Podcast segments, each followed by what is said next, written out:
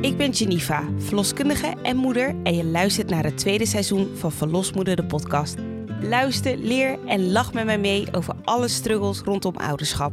Vergeet niet een review achter te laten op Spotify en Apple Podcast. En kijk je mee via YouTube? Dan kletsen we lekker verder in de comments. Hoi iedereen, welkom terug bij een nieuwe aflevering van Verlosmoeder de podcast. Vandaag heb ik weer een expert in huis. Ik heb Nira van Dijk uitgenodigd, moeder van twee kinderen, bestuurslid bij de geboortebeweging en daarbij heb jij een heel platform opgericht, House of Mothers, als ik het goed uitspreek. Ja. Gericht op het empoweren van vrouwen rondom de bevalling eigenlijk. Ja, inderdaad. Klopt. Goed, welkom. Leuk dat je er bent. Dankjewel. Leuk om hier te zijn. Soms ook wel een beetje controversieel online bezig. Maar goed, ik denk dat dat eh, een goede ingang is om het gesprek aan te gaan. Ik volg je ook vervent online. En ik denk dat het fijn is om het gesprek eh, met elkaar aan te gaan over de knelpunten die ik misschien ervaar als zorgverlener in het veld. En ook waarom het voor jou zo belangrijk is om alles bespreekbaar te maken. Heel leuk. Allereerst, wat was voor jou de reden om deze platform te starten? Ik had... ehm, ik heb twee hele fijne bevallingen gehad. Dus er was bij mij geen sprake van... ik had een trauma en toen ben ik daarna iets begonnen. Ik heb twee hele fijne bevallingen gehad. Ehm, en de tweede, die, die was een beetje buiten de richtlijn in die zin. Ik had bij mijn eerste bevalling heel veel bloed verloren. Ehm, dus was eigenlijk het advies van... nou, bij de tweede ga je in het ziekenhuis bevallen. Ja. En ik dacht echt, ja, maar daar had ik helemaal geen zin in. Dus Wel met je eigen verloskundige? wel met mijn eigen verloskundige, maar dan in het ziekenhuis. En Maar je- daar had ik helemaal geen zin in. Nee, je wilde liever weer thuis. Precies. En ehm, nou, wat daarop volgde was een hele zoektocht naar hoe zit het nou en wat zijn de risico's nou? Wat kan ik zelf doen om misschien het risico te verkleinen? En toen ben ik op basis daarvan het gesprek echt aangaan met mijn verloskundige van, joh, luister, jouw advies, ik zie dat niet zitten. Ja. Ehm, om die en die en die en die reden. En eh nou, zij hebben dat toen besproken met hun team. En zij waren het er gewoon om over eens van... nou prima, dan gaan we het gewoon weer thuis doen. Ja. Nou, zo gezegd, zo gedaan. Ik heb een fantastische bevalling gehad van mijn tweede. Echt gewoon een droombevalling. Fijn. En toen realiseerde ik me daarna dat als ik al dat huiswerk toen niet gedaan had en niet Ja. toch dat gesprek aan was gegaan, wat ik ook gewoon heel spannend vond. En ik ben van mezelf niet een persoon die het spannend vindt om moeilijke gesprekken aan te gaan. Maar op dat moment zit je als zwangere, Aan de Eh, andere kant. je bent zeg maar een beetje de underdog in het gesprek, want je bent niet de expert. Ja. Ehm, dat als ik dat niet gedaan had, dat ik misschien die ervaring niet gehad had. Ja. En van daaruit dacht ik van oké, nee, maar we moeten gewoon als vrouwen meer ons eigen pad gaan kiezen. En onafhankelijk van hem, misschien dat je juist wel in het ziekenhuis wilt bevallen. Of Ja. misschien dat je juist ingeleid wilt worden, terwijl dat in- niet ter sprake is of wat dan ook. Ja. Maar gewoon meer de regie bij de zwangere zelf leggen. ehm, op een goed geïnformeerde manier. Ja, ja. Dat snap ik ook wel. Is er dan ook niemand geweest vanuit de verloskundige zelf, hè, die, waar jij in de praktijk zat, dat die had gezegd van, hé, hey, er zijn twee opties. Wat zou je willen? Want in, volgens de richtlijnen zou je een medische indicatie hebben. Of was het meer het gesprek van, goed, de vorige keer had je een fluxus, dus ruim bloedverlies tijdens de bevalling. Dus dan is het nu verstandig om in het ziekenhuis te gaan bevallen. Het was meer dat tweede. En ik was toen 12, 13 weken. Het was heel vroeg in de zwangerschap. Dus ik denk ook niet dat vanuit die verloskundige... dat zij het idee had van... hier moeten we nu een heel gesprek over gaan hebben. Het was Ja. meer zo van, oké, dit is het advies. Ja, En eigenlijk ging zij vanaf daar al verder met haar consult. ja, En ik zat van, wacht even, wacht even, nee. ja, Ehm, dus wellicht als ik er toen niks... Ik, ben, ik heb er meteen wat mee gedaan toen, zeg Ja. maar. Dus wellicht als dus je ik was dat er niet ook best vroeg bij. Ja.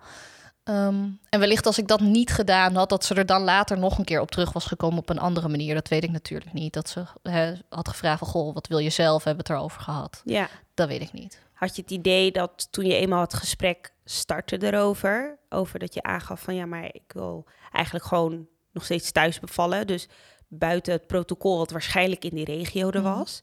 Had je toen het gevoel van nou dat gesprek was open of had je het idee dat je jezelf daar heel erg in moest verdedigen? Nee, dat niet. Dat gesprek was op zich wel open.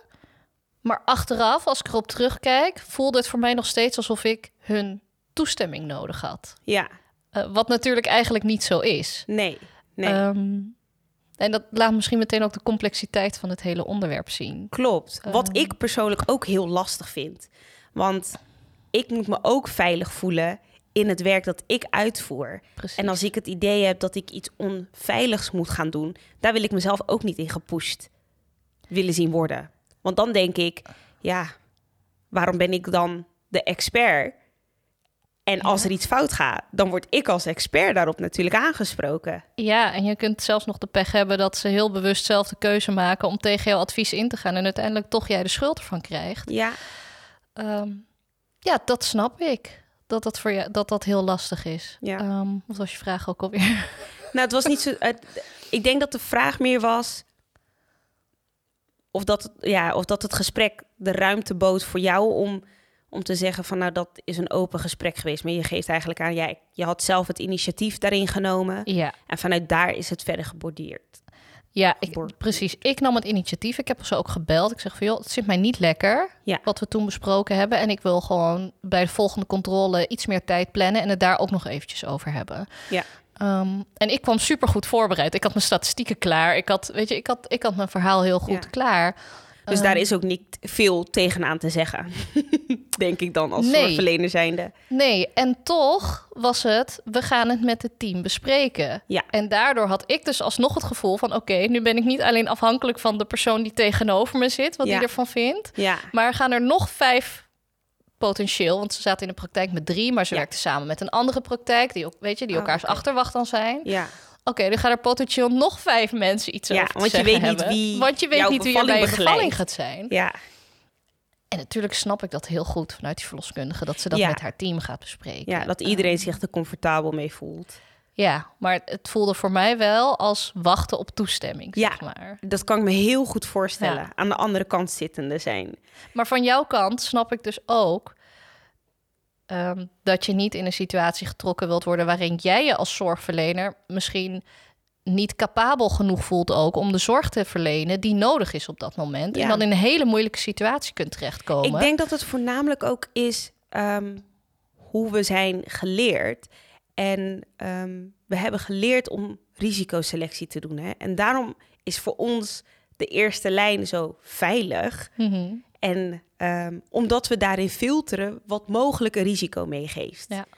Waardoor het, naar mijn idee, die thuisbevalling zo veilig blijft. Omdat we daarin dus zeggen van oké, risicogevallen kunnen we het beste ondervangen in het ziekenhuis. Zodat degene die we thuis blijven, nou dat hebben we genoeg onderzoeken die we daar tegenaan kunnen Ja. gooien. Dat dat net zo veilig blijkt te zijn als dat je in het ziekenhuis bevalt. Maar daar zit een Daar- risicoselectie. ja. En als verloskundige word je eigenlijk opgeleid met het idee van je bent een soort van poortwachter om te kijken van hé, hey, jij bent risicoloos, jij hebt een risico en dan gaan we kijken hoe kunnen we dat risico verkleinen. ja. Maar dat maakt dus wel dat je soms mensen hebben die zegt ja, nou, dat risico zou ik best wel, dat is zo klein, dat wil ik best wel nemen. ja. Maar dat voelt dus soms tegenstrijdig vanuit alles wat je hebt geleerd. Dus ik denk dat dat nu met de nieuwe generatie verloskundigen, dat dat misschien ook weer een beetje anders is.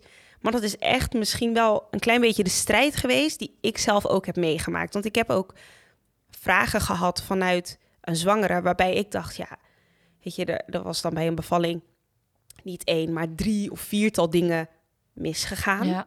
En die wilde dan weer thuis bevallen. Dat ik zei, ja, ik zie, dat, ik zie het persoonlijk niet zitten. Ik wil, je, ik wil best met jou op zoek gaan naar een verloskundige die dat ziet zitten. Maar ik voel me daar niet prettig bij. Want dan ga ik vanaf het moment dat ik weet dat jij gaat bevallen... ben ik een bonk met zenuwen. Terwijl ik dat nooit ben.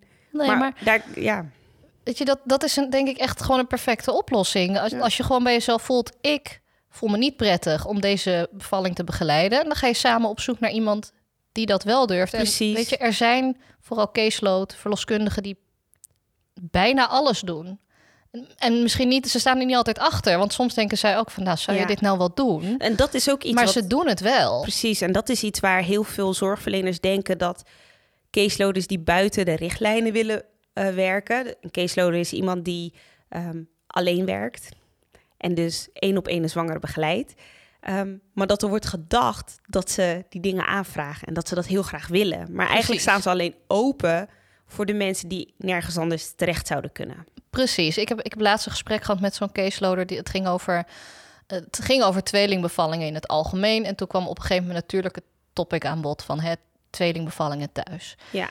En nou ja, zij liet gewoon doorschemeren. Zegt ja, ik denk er van alles van, van een tweelingbevalling thuis. Maar als die vrouw echt dat wil doen, dan ben ik er nog steeds wel voor haar. Ja.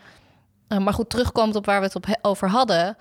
Um, ik denk dat als je er samen echt niet uit gaat komen, um, dat dat begint met echt naar elkaar luisteren en gewoon met een open mind denken van oké, waar komt deze persoon vandaan in, Ja. in haar overtuiging? Ja. Uh, zowel als dan verloskundige als zwangere. En als je er dan samen echt niet uitkomt, inderdaad iemand anders zoeken die het wel aandurft. Want je hebt er als zwangere ook niks aan om een hele zenuwachtige verloskundige naast je te hebben staan. Want dat gaat geheid de sfeer bij je bevalling beïnvloeden. Ja, ja. Waardoor die en naast dat wil, wil die persoon daar wel zijn. Precies. Ja. En, en nog los daar, misschien verhoog je het risico wel. Toch een, een hele zenuwachtige verloskundige naast Nou, je te dat hebben zien we dus wel als we kijken naar stuitbevallingen. En we kijken naar waar zijn bijvoorbeeld versies is als, als die kleine Mm. uitwendig wordt gedraaid. Waar slaagt het het beste? Eh, of welke ziekenhuizen gaat het, het het meest goed? Dat zijn de ziekenhuizen die er ervaring in hebben. Of de verloskundigen die er ervaringen mee hebben. Omdat ze het geduld hebben om te zeggen... ik laat het los, ik ga er niks mee doen. We laten het gaan. Ja. Dus er, het er heeft zeker wel iets voor te zeggen dat ja, als je als zwangere je niet veilig voelt bij iemand, maar ook andersom, dat dat impact heeft op je Ja. zorg. Ja, en, en daarom is het misschien ook wel heel jammer dat we zo laat in de zwangerschap pas die bevalling bespreken. Ja, Dat je vaak pas rond week 30 ergens heb Ja. je gesprek over je bevalling. Als je er op dat moment achter komt van hé, hey, we zitten niet op één lijn, Mhm. mijn verloskundige en ik. Nou, dan plan je nog een gesprek in, misschien twee weken later. Dan zit je al op 32 weken. En dan vervolgens nog... iemand anders moeten vinden die op zo'n korte termijn plek heeft. Soms lukt dat ook gewoon niet. Nee, klopt. En dat is gewoon heel jammer. Terwijl als je misschien dingen wat eerder zou bespreken. Van, Ja. goh, weet je, al is het maar heel verkennend. Goh, hoe sta je er eigenlijk in? Ja, ja, Wat zijn je wensen voor die bevalling? ja, Ehm, je dat misschien veel eerder in de zwangerschap al onderhaalt... en daardoor dus wel tijd hebt om gewoon op je gemakje... een andere verloskundige te gaan zoeken. ja. Want nog even los van de kwestie of het lukt of niet. Het is niet leuk om met 36 weken te switchen van verloskundige. want je komt niet. eigenlijk gewoon bij een wildvreemde weer terecht... die je weer moet leren kennen. Ja, En dat, precies. ja, En je weet niet hoe lang je daar de tijd voor hebt. nee, misschien maar één week. Precies, precies. Of één dag. Ja. Dan komen we op het puntje geboorteplan natuurlijk ook uit. Want dat is ook iets wat, eh, wat Ja, ja. uitgebreid wordt besproken de laatste tijd. Ook in de media onlangs geweest. Ehm, soms wordt dat wel eens negatief bestempeld als in dit is de wensenlijst van een zwangere. Terwijl ik eerder het zie als een moment om te gaan bespreken wat zijn de opties. Maar er wordt inderdaad, ja, als ik kijk naar de eh, geboorteplannen die ik soms zie, daar loop ik ook, ook wel eens tegenaan. Dat ik denk, ja mensen, het, eh, het moet is, wel kunnen, het wat je wil. Nou ja, het is niet zozeer dat ik denk het moet niet kunnen. Ik gun je wat er staat. Maar Ja. ik kan niet garanderen dat het gebeurt Ja. wat je wil. En dan is het voor mij, ik kom er in een gesprek echt wel uit om te zoeken naar, oké, maar welke afwegingen zijn gemaakt tot het komen van dit punt? En dan, ik wilde het met jou hebben over het stukje van de knip. Die staat in elke geboorteplan. En die willen ze allemaal niet. Die willen ze allemaal niet. Er is niemand die zegt, joh, nou ja, er zijn sommigen die zeggen, ja, weet je, als het nodig is, knip maar. Ja, Ehm, maar die schrijven dat dan ook verder niet in een geboorteplan. Die schrijven gewoon, op, ik zie bij wel. medische inter- interventies Ja. volg ik mijn zorg, zorgverlener. Ehm, maar natuurlijk de meeste opmerkingen, en jij zal het misschien in jouw cursus ehm, eh, bevallen als een baas ook terugzien, dat heel veel mensen opschrijven, ik wil geen knip. ik wil geen knip, ik wil geen dit, ik wil geen dat. En soms sturen ze, het is niet per se een vast onderdeel van de cursus, maar als iemand Ja. wil dat ik naar een geboorteplan kijk, dan doe ik dat natuurlijk gewoon. Ja. En ehm, ja, meestal als ze hebben opgelet in de cursus, dan kom ik heel, ik heb maar kleine dingetjes moet ik soms een beetje aanpassen. Maar, maar soms kom ik ze nog wel tegen. Ik wil geen knip, ik wil geen syn- synthetische oxytocine, ik wil geen, eh, ik wil niet op mijn rug liggen. Ik wil, weet je, en dan eh, denk ik dat snap ik allemaal.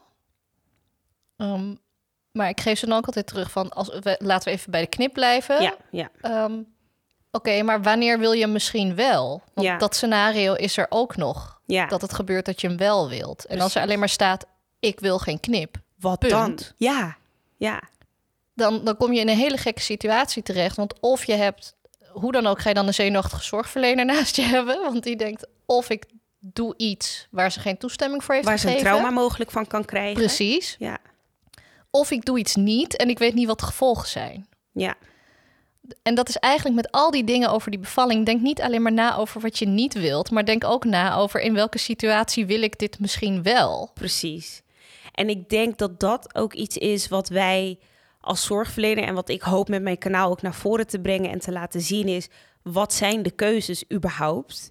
Ehm, en dan als we dan teruggaan op het stukje van de knip, je wenst geen knip. Nou, dat kan ik me voorstellen. Wanneer zou je wel een knip wensen? Nou, dan gaat er eigenlijk eh, standaard uit als het in nood van mijn kindje is. Dat is ook de enige reden in principe geldig genoeg om te zeggen van nu hebben we echt een knip nodig, want de enige andere optie is ehm, terug naar de operatiekamer en dan via de buik eruit. Nou, dat is nog heftiger dan Ja, dat de knip ja, is. Maar ehm, als het echt gaat om nood en je hebt die knip nodig, dan staat iedereen er in principe achter. Maar het gaat vaak om de knippen die worden gezet ten behoeve van een versnelling van iets of het vergemakkelijken van iets of ehm, eh, als ze ja, nou ja, het versnellen, het gemakkelijke, dat eigenlijk valt het meeste valt daaronder. Duurt te lang, samengevat. Precies. En ik denk ook het stukje ehm, wat bij de knip soms een beetje onderschat wordt, is wat is nood? Ja. En wanneer is voor jou de definitie nood? Dus- En we kunnen zelfs nog de vraag stellen: is de knip daar de oplossing voor? Want er zijn ook verloskundigen die hebben al zes, zeven jaar geen knip gezet. Ja. En hun uitkomsten zijn niet slechter dan van de verloskundigen die misschien wat meer, weet je, 25% van de bevallingen een knip zetten. Ja, Dat weten we niet eigenlijk. nee. En dat maakt het ook zo lastig. En dat is ook de vraag die je als zwangere moet stellen: van wat vind ik daarvan? Ja, Hè? Ja. Het is iets wat je doet voor de zekerheid. Ja. Je weet pas hoe het echt met de baby gaat als de baby eruit is. ja. We hebben, en dat is iets ehm, wat ik misschien mee kan geven als tip, is op het moment dat er nood ontstaat, hè, dan vangen we dat als verloskundige eerst op met onze toptoonapparaat. Hè. Dat is dat hartje beluisteren via zo'n los apparaatje. Dat doen we af en toe. Hè. Dat gaat niet continu door de bevalling heen. En in het ziekenhuis, als je medisch bevalt, heb je waarschijnlijk een CTG-apparaat die continu het hartje meet. Dat is een vorm van meten wat de conditie van je kleine is. Alle kindjes richting de uitdrijving, dus tijdens het Mhm. persen, zullen een keer gaan dippen. Of alle, meeste kindjes. De meeste. Precies. Zullen gaan dippen. Want het is allemaal een stukje strakker en die weeën zijn best heftig. Er gebeurt heel veel. Er gebeurt heel veel. Je wordt uit je huis gedouwd. dus die kindjes reageren erop. Logischerwijs. Dus daar moet ruimte voor zijn. Dat als een kindje reageert, dat daar eventjes pas op de plaats Ja, genomen niet wordt. meteen in de paniekmodus. Precies. Dat is een stuk lastiger als jij continu naar een apparaat zit te kijken die je vertelt stress, stress, stress, stress. Dus ik kan me voorstellen in een setting waar continu die prikkels komen, dat dat sneller gedaan wordt. Als we kijken naar onderzoeken is dat ook de setting waar het het meest gebeurt. Maar het is dus niet de enige manier. En ik vraag me af of dat jij dat dan ook in jouw cursus zeg maar meeneemt in... ehm, nou ja, je hebt dus de, het doptoon, het CTG-apparaat, maar ook bijvoorbeeld het stukje wat zegt de zuurstofgehalte van die kleine, voordat je überhaupt een interventie zoals een knip zou doen. En ik denk dat als iedereen weet dat je kindje aan het inleveren is, dus echt eh, zuurstoftekort krijgt, want dat kan je meten door, we noemen dat een MBO, dan doen we Mhm. zo'n eh, krasje op het hoofd, halen wat bloed vanaf. En dan kunnen we bekijken van, oh nou, doet de kleine het goed? Dan kunnen we nog even afwachten. Doet de kleine niet goed? Dan moet er iets gaan gebeuren, want heel lang hebben we dan niet meer. Nee. En dan kan ik me zeker wel voorstellen dat de knip op dat moment, als het kindje zodanig ervoor ligt, dat dat de beste oplossing is. Maar dat staat er niet in de geboorteplan. nee. Ik zou willen afwachten totdat dat oké is. Of Ja. ik zou op het moment dat er al nood is op het apparaat, dan wil ik al de knip.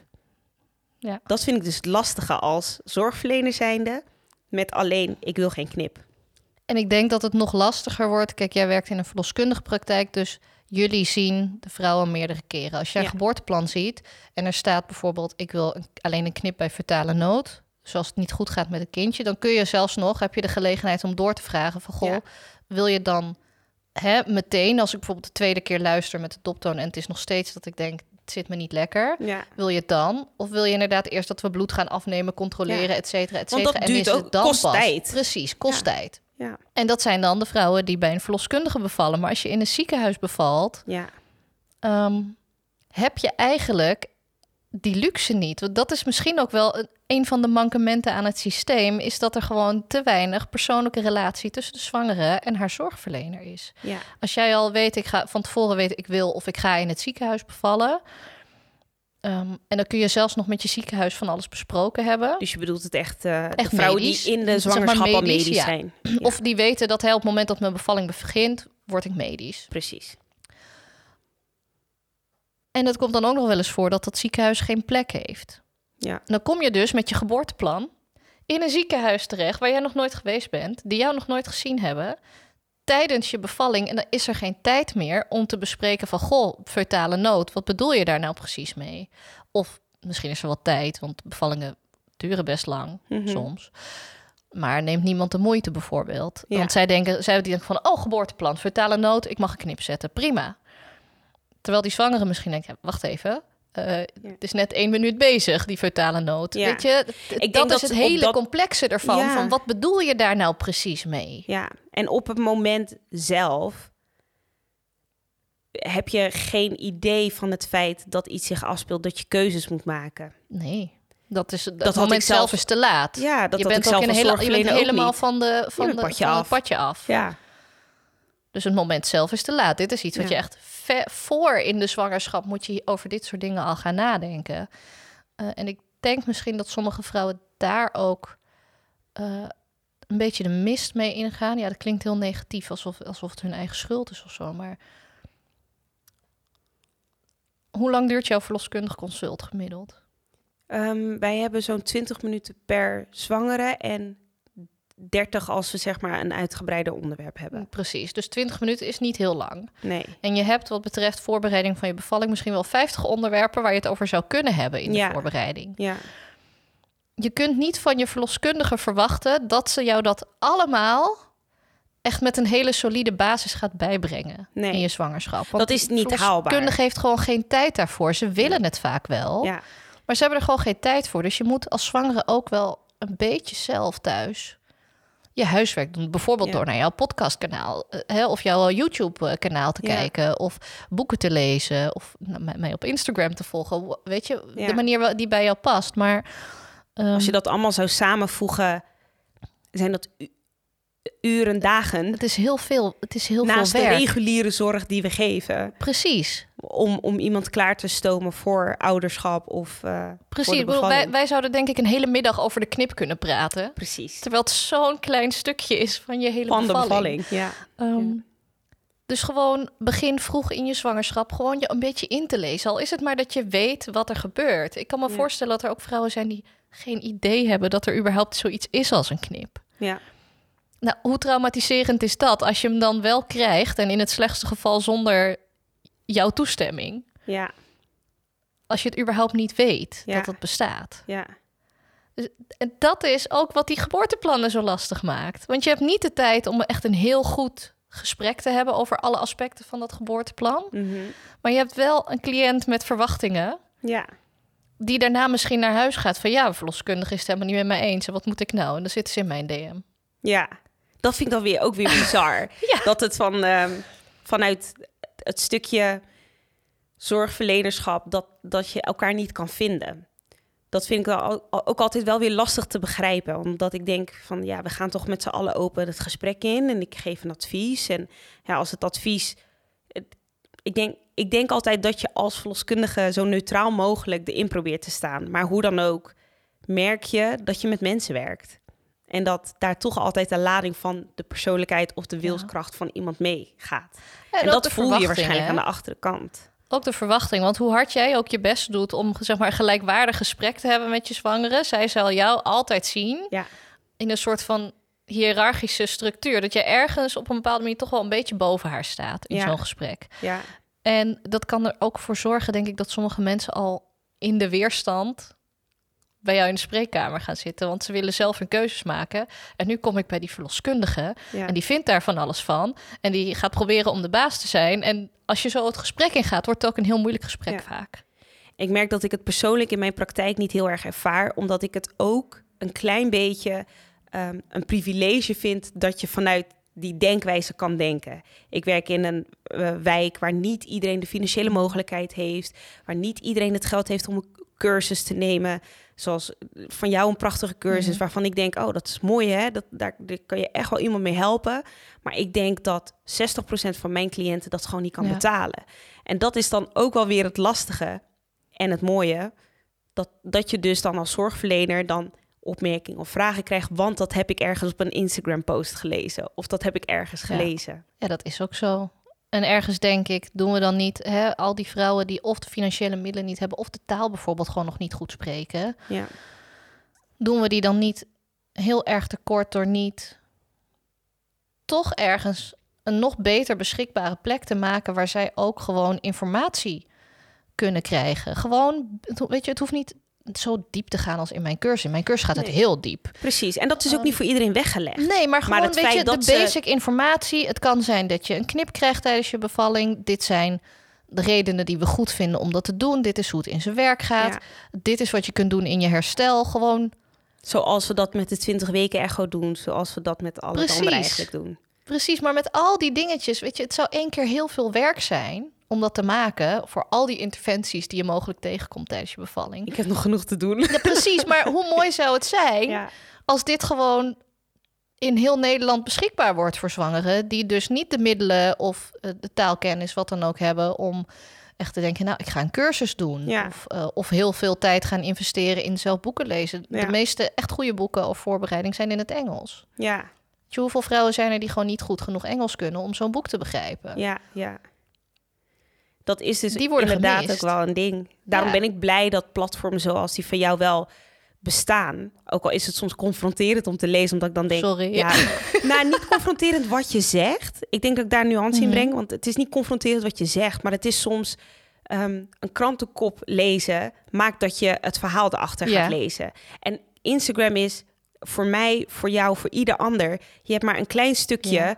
om iemand te doen laten nadenken... over het stukje stof waar je het uitgebreider over wil hebben. En ik denk, iedereen die verder leest... ziet echt wel wat er bedoeld wordt... Maar ik denk dat de eerste boodschap belangrijk is om te zeggen: hey, denk er eens over na. Ja. Dus ik ben blij dat je daar eh, je missie van hebt gemaakt. Ik ben ook heel blij dat jij er bent, want eh, jij geeft zoveel informatie de wereld in.